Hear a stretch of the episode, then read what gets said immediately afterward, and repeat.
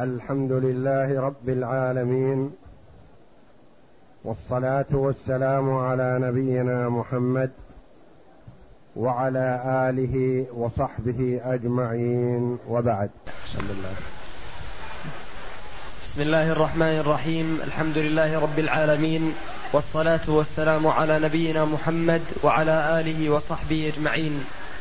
قال المؤلف رحمه الله تعالى فصل ولو تسببت الزوجة في فسخ نكاحها في مرضها برضاع أو غيره بانت وورثها زوجها ولم ترث لما ذكرنا في طلاق المرض. قول المؤلف رحمه الله تعالى فصل ولو تسببت الزوجة في فسخ نكاحها في مرضها. ما تقدم في بيان ما إذا طلق الزوج زوجته في مرض موته فما الحكم؟ وفهمنا تفصيل ذلك فيما إذا كان متهم بقصد حرمانها من الطلاق من الميراث فإنها ترث. وإن لم يكن اتهام فإن كان الطلاق رجعيا ولا تزال في العدة فهي ترث.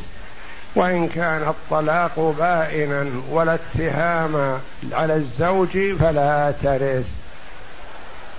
وهنا فيما إذا تسببت الزوجة في فسخ نكاحها. كأن تكون الزوجة في مرض موتها. وتريد أن تحرم زوجها من ميراثها. فتسببت في فسخ نكاحها بدون موافقة الزوج. فانفسخ نكاحها فهل يرثها زوجها أم لا؟ الجواب يرثها زوجها.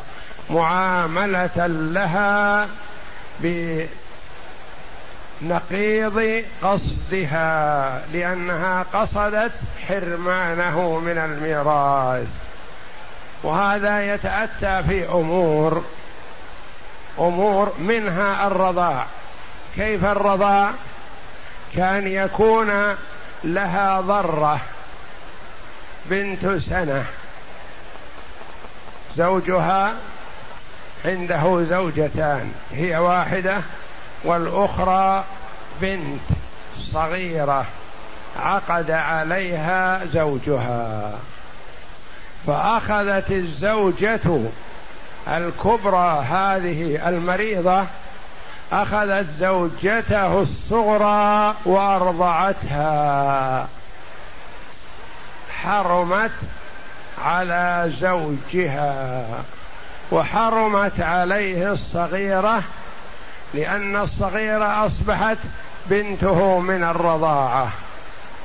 وحرمت عليه الكبيرة لأنها أصبحت أم زوجته. فهي قد تتحيل بهذه الحيلة ترضع الزوجة الصغرى حتى تحرم زوجها من ميراثها. فلا يحرم. ينفسخ النكاح فعلا لأنه ما يصح أن أن أن تبقى في عصمته وهي أم لزوجته. ولا يصح أن تبقى الصورة في عصمته لأن أصبحت بنتا له من الرضاعة. برضاع أو غيره بانت وورثها زوجها يعني حرمت عليه حينئذ. وورثها زوجها ما دامت هي المتسببة فتعامل بنقيض قصدها. ولم ترثه هي. لو مات قبل موتها هي في مرض موتها وهو في غير مرض موته في هو صحيح فمات قبلها. فهل ترثه هي؟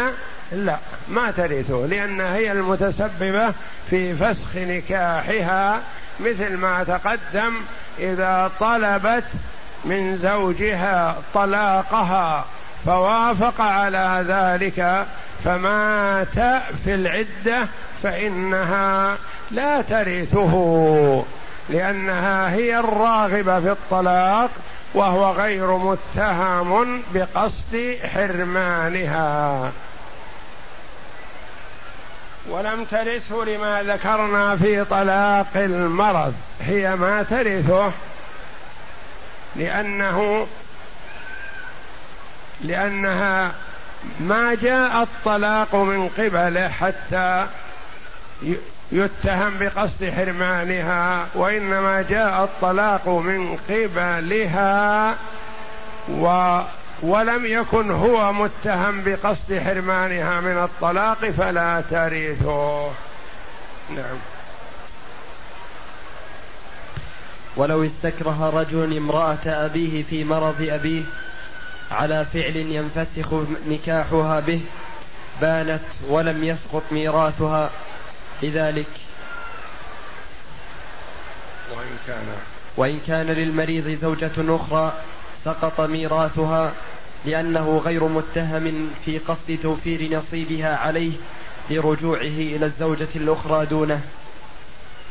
ولو استكره رجل امرأة أبيه في مرض أبيه على فعل ينفسخ نكاحها به بانت.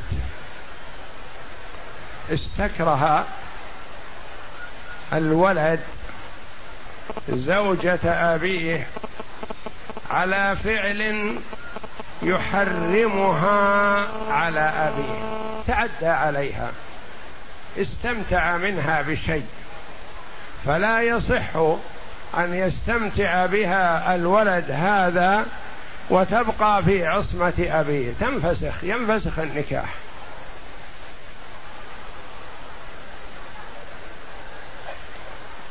ينفسخ نكاحها. ما تحل لأبيه بعد هذا.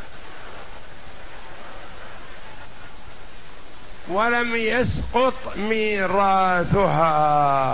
لم يسقط ميراث. انفسخ النكاح.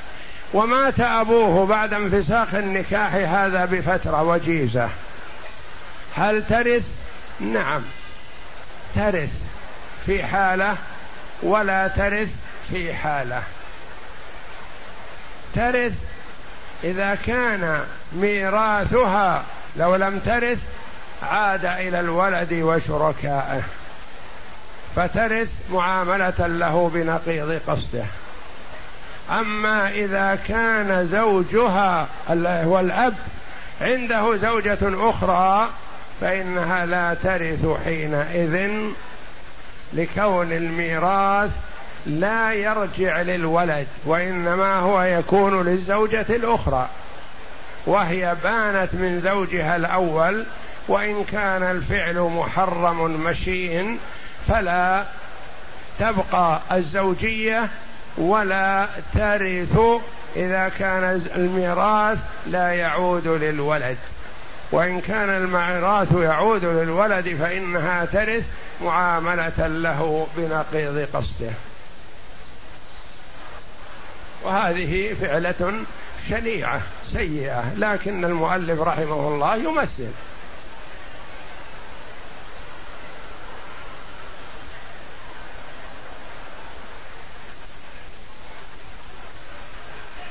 نعم. فصل. وإن تزوج نساء بعضهن عقدها فاسد ولم تعلم بعينها أو طلق بعض نسائه لا بعينها أو علمها وأنسيها, وأنسيها أقرع بينهن فمن خرجت قرعتها بفساد العقد أو الطلاق فلا ميراث لها لأنه اشتبه المستحق بغيره فوجب المصير إلى القرعة كما لو أعتق في مرضه عبيدا لم لم يخرج من ثلثه إلا أحدهم. يقول رحمه الله إذا تزوج الرجل نساء بعضهن عقدها فاسد ولم يعلم ولم تعلم هذه التي عقدها فاسد بعينها. أو طلق بعض نسائه لا بعينها أو علمها وأنسيها. إذا عقد على امرأتين معا واحدة عقدها صحيح والأخرى عقدها فاسد. إن علمت التي عقدها فاسد فهذه عقدها غير صحيح ولا ترث. لكن إذا لم تعلم التي عقدها فاسد ما علمت. واحدة عقدها فاسد واحدة عقدها صحيح ثم اشتبه الأمر فيما بعد. والعقد الفاسد كما تقدم لنا هو ما اختل شرط من شروطه والباطل ما اختل ركن من أركانه. أو يقال الفاسد ما اختلف في صحته والباطل ما أجمع على فساده. الباطل مثل عقد عليها وهي لا تزال في العدة.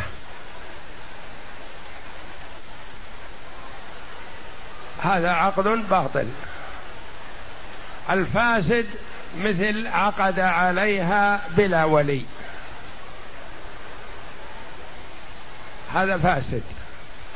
إذا عقد على مجموعة نساء واثنتين أو ثلاث أو أربع مثلا بعضهن واحدة أو اثنتين منهن عقدهن صحيح واحدة أو اثنتين عقدهن باطل.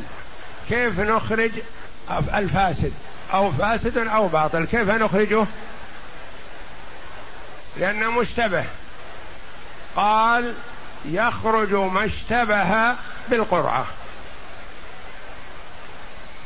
أو طلق واحدة من نسائه. ثم اشتبه. هل طلق هذه أو هذه؟ ما يدرى. معلوم من أول ونسي أو من أصل ما, علم. فاتت عليها جلباب لا يدري هي فلانة أو فلانة. فقال أنت طالق. فذهبت ودخلت في وسط النساء ولا يدرى من هي التي قال لها أنت طالق. علم أن واحدة من نسائه طالق لكن ما يدرى من هي. كيف نستخرج الطالق؟ نستخرجها بالقرعة. بالقرعة.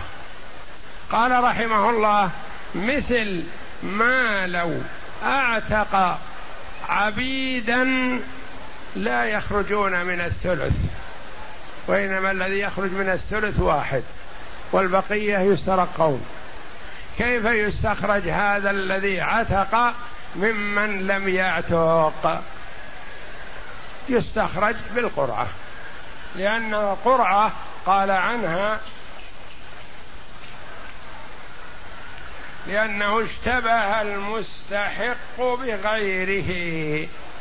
فإذا اشتبه المستحق لهذا الحكم بغيره فيستخرج المستحق من غيره بالقرعة سنة رسول الله صلى الله عليه وسلم.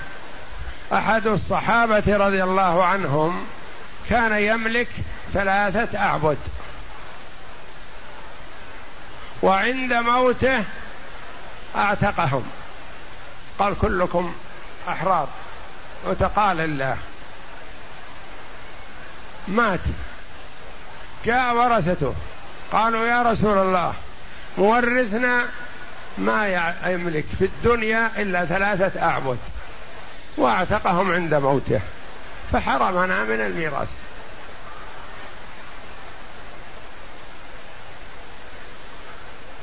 والنبي صلى الله عليه وسلم بين من قبل أن الله جل وعلا تصدق على عبده عند موته بثلث ماله زيادة في حسناته فهو لا يملك إلا الثلث صدقة أو عتق أو أي شيء ما يملك إلا الثلث والثلثان للورثة. فإذا أعتق أو تبرع المريض في كل ماله ومات نقول للورثة تعالوا. تسمحون لمورثكم بالصدقة بكل ماله؟ قالوا نعم نسمح لأننا في غنى ولله الحمد وهو قصد حرماننا لكن حسابه على الله. ونحن في غنى عنه وعن ماله. فينفذ لأنهم أجازوا. ما أجازوا قالوا لا ما نسمح نحن في حاجة ولا نسمح له أن إلا فيما له التصرف فيه. ما ليس له التصرف فيه لا يسوق لا نجيزه. فيقال لا يملك التصرف هو إلا في الثلث والثلثان يبقان يبقيان للورثة. هذا الذي أعتق ثلاثة أعبد ما يملك سواهما. هو يملك الثلث. يقدر يعتقه والثلثان ما يستطيع. كيف نستخرج العبد الذي عتق والعب والعبيد الذين بقوا في الرق؟ بالقرعة. نقرع بين الثلاثة فمن خرجت له القرعة عتق ومن لم يخرج له ذلك بقي رقيقا ويكون ملكا للورثة. هذه أجراها النبي صلى الله عليه وسلم. أقرع بين الثلاثة الأعبد فخرجت القرعة لواحد منهم فحرره أعتقه. وبقي اثنان رقيقان ملك للورثه فالقرعة فيها حل شرعي لاستخراج المستحق إذا اشتبه بغيره. إذا أراد الرجل سفرا وعنده مجموعة من النسوة وهو لا يحتاج إلا إلى واحدة فكيف يخرج بها؟ بالقرعة.